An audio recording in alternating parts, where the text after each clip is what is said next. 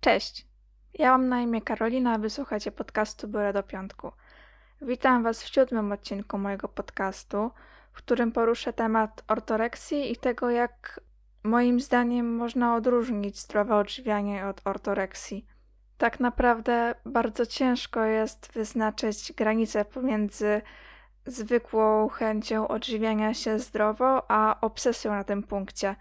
Ta granica jest cienka i najlepiej byłoby samą, samemu przed sobą stwierdzić, czy ortoreksja nas dotyczy, czy nie mamy problemu z tym, że mamy jakąś obsesję na punkcie zdrowego odżywiania.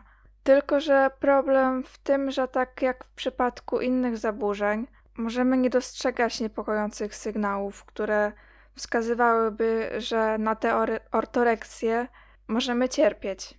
Bardzo ciężko jest też ustalić, kiedy ta ortoreksja się zaczęła, w jakim momencie zdrowe odżywianie przerodziło się w obsesję. Bo jak zaczynamy interesować się zdrowym odżywianiem, to wydaje się to normalne. Wydaje się, jakby nic z tym złego nie było. Wręcz jesteśmy nawet wzorem do naśladowania dla innych osób. Jesteśmy uznawani za taki wzór do naśladowania. Ale myślę, że taka pierwsza lampka powinna nam się zaświecić nam jako osoby, które mogą cierpieć na ortoreksję, ale również nam jako osoby przygląda przyglądające się naszym bliskim, które też mogą cierpieć na ortoreksję, jako takich obserwatorów osób nam bliskich, to pierwsza lampka może nam się zapalić wtedy, kiedy zaczynamy unikać spożywania pewnych produktów. I nie chodzi tutaj o unikanie tych produktów ze względów zdrowotnych, jak na przykład nie, nie możemy jeść glutenu, bo mamy nietolerancję, boli nas brzuch, więc unikamy jedzenia tego glutenu, ale o takie obsesyjne wręcz unikanie danego produktu, mimo że dobrze się po nim czujemy i jeszcze niedawno był on obecny w naszej diecie. I myślę, że już w tej chwili dobrze byłoby zareagować, przemyśleć, czy ograniczanie tych produktów jest konieczne, a jeśli widzimy takie zachowanie u swojej bliskiej osoby, to może warto z nią porozmawiać o tym, bo może występują u niej jakieś inne objawy ortoreksji, które, których my nie jesteśmy w stanie zauważyć. Na przykład y, ciągłe myślenie o jedzeniu. Oczywiście, powodów wykluczenia produktu z diety może być wiele. Jeżeli ktoś decyduje się na przejście na weganizm albo podjął się challenge'u 30 dni bez słodyczy, to nie oznacza od razu, że ma ortoreksję. Swoją drogą takich challenge'ów nie polecam, ale to temat na inny odcinek. W każdym razie nie zawsze unikanie pewnych produktów musi oznaczać to, że jesteśmy narażeni na ortoreksję, ale ortoreksja właśnie zwykle zaczyna się od wyczyszczenia swojej diety z niezdrowych produktów. A już samo zauważenie takiego zachowania może pomóc nam zareagować w porę i może pomóc nam nie dopuścić do rozwoju tej ortoreksji. Tak samo niepokojącym objawem jest ciągłe myślenie, czytanie, słuchanie o jedzeniu i to właśnie w zasadzie jest przyczyną zmian w diecie, czyli tego wykluczania różnych produktów z diety, między innymi tego, bo zwiększamy wtedy wiedzę na temat odżywiania. Samo edukowanie się na temat żywienia jest zajebiste i warto to, to robić, ale robienie tego przez większość swojego czasu może spowodować obsesję na punkcie jedzenia, na punkcie wprowadzania coraz to lepszych, zdrowszych zmian w diecie, a to już nie jest fajne i nie jest zdrowe, bo żadna obsesja nie jest zdrowa. To tak jak z teoriami spiskowymi. Na przykład obejrzysz film, który mówi o tym, że Ziemia jest płaska, i potem na stronie głównej YouTube'a wyskakują ci właśnie filmy na, te, na ten temat, bo algorytm podsuwa ci je, bo myśli, że interesują cię takie treści i że chcesz ich oglądać więcej. I ze zdrowym odżywianiem jest tak samo.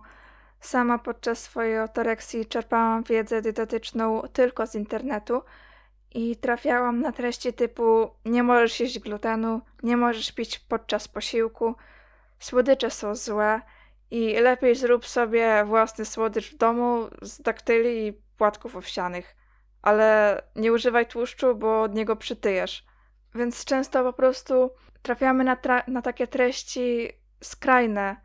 Nie dochodzą do nas informacje yy, z tej drugiej strony, że widzimy tylko, że picie do posiłku jest złe. No ale dlaczego? Bo rozrzedza kwasy żołądkowe. I to jest właśnie wyjaśnienie tego. I ty przyjmujesz to do wiadomości, że to jest złe, bo y, rozrzedza kwasy żołądkowe, bo to jest taka teoria. I właśnie dlatego porównałam to z teoriami spiskowymi, bo jest jakiś, jest jakaś teza i ktoś rozpowszechnia tę tezę i inni już nie mają pytań, tylko w to po prostu wierzą.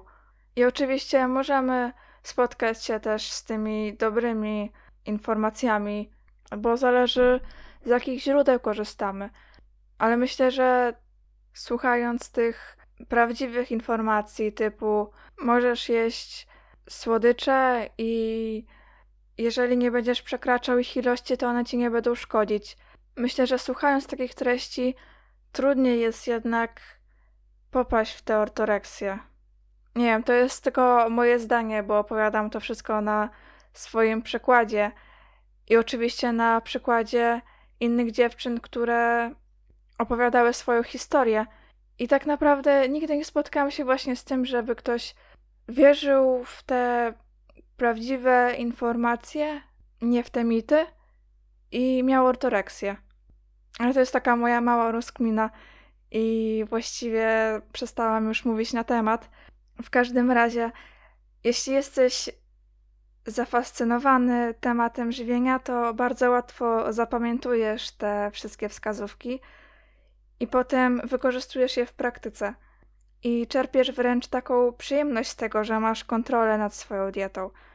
Jesteś tak jakby dumny z tego, że, że ta dieta jest zdrowa, ale nadal dążysz do jeszcze zdrowszej, bo czujesz, że da się zdrowiej odżywiać Poszukujesz coraz to bardziej szczegółowych informacji w internecie, nurtują cię bardzo mało z pozoru istotne kwestie, a jeśli liczysz kalorie, to na maksa dokładnie.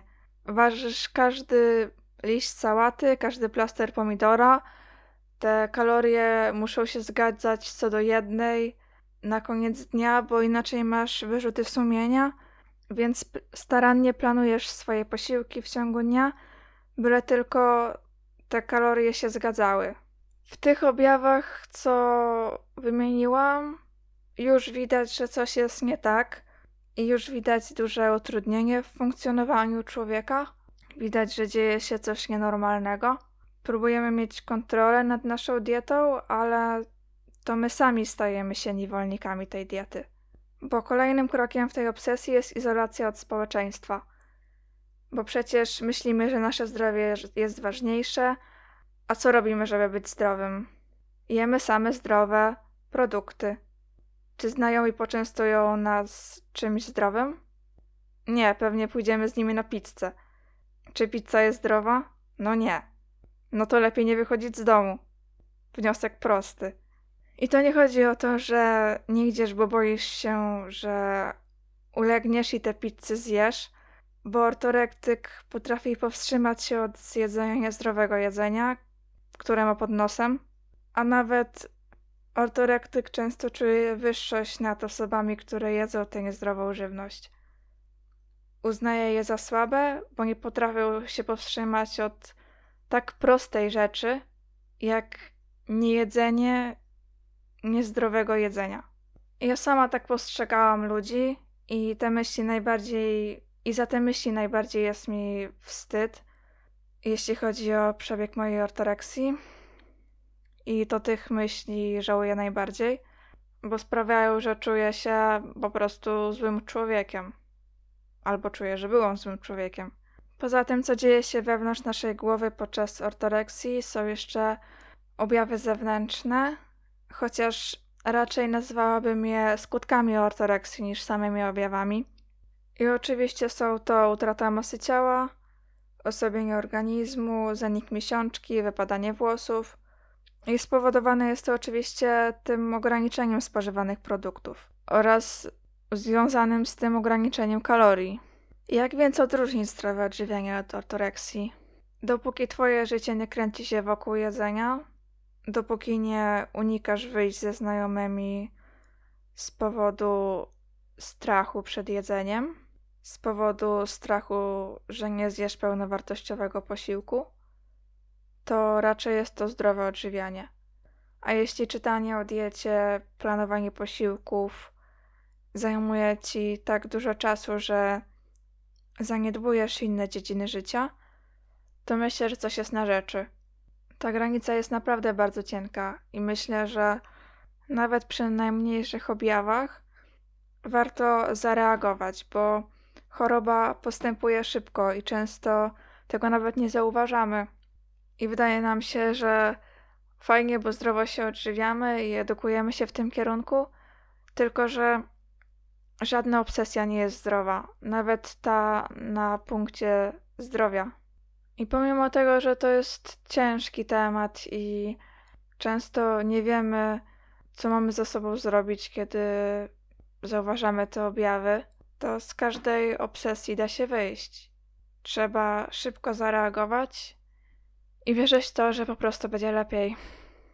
I to wszystko, co chciałam Wam przekazać w tym odcinku. Mam nadzieję, że chociaż trochę Wam pomogłam.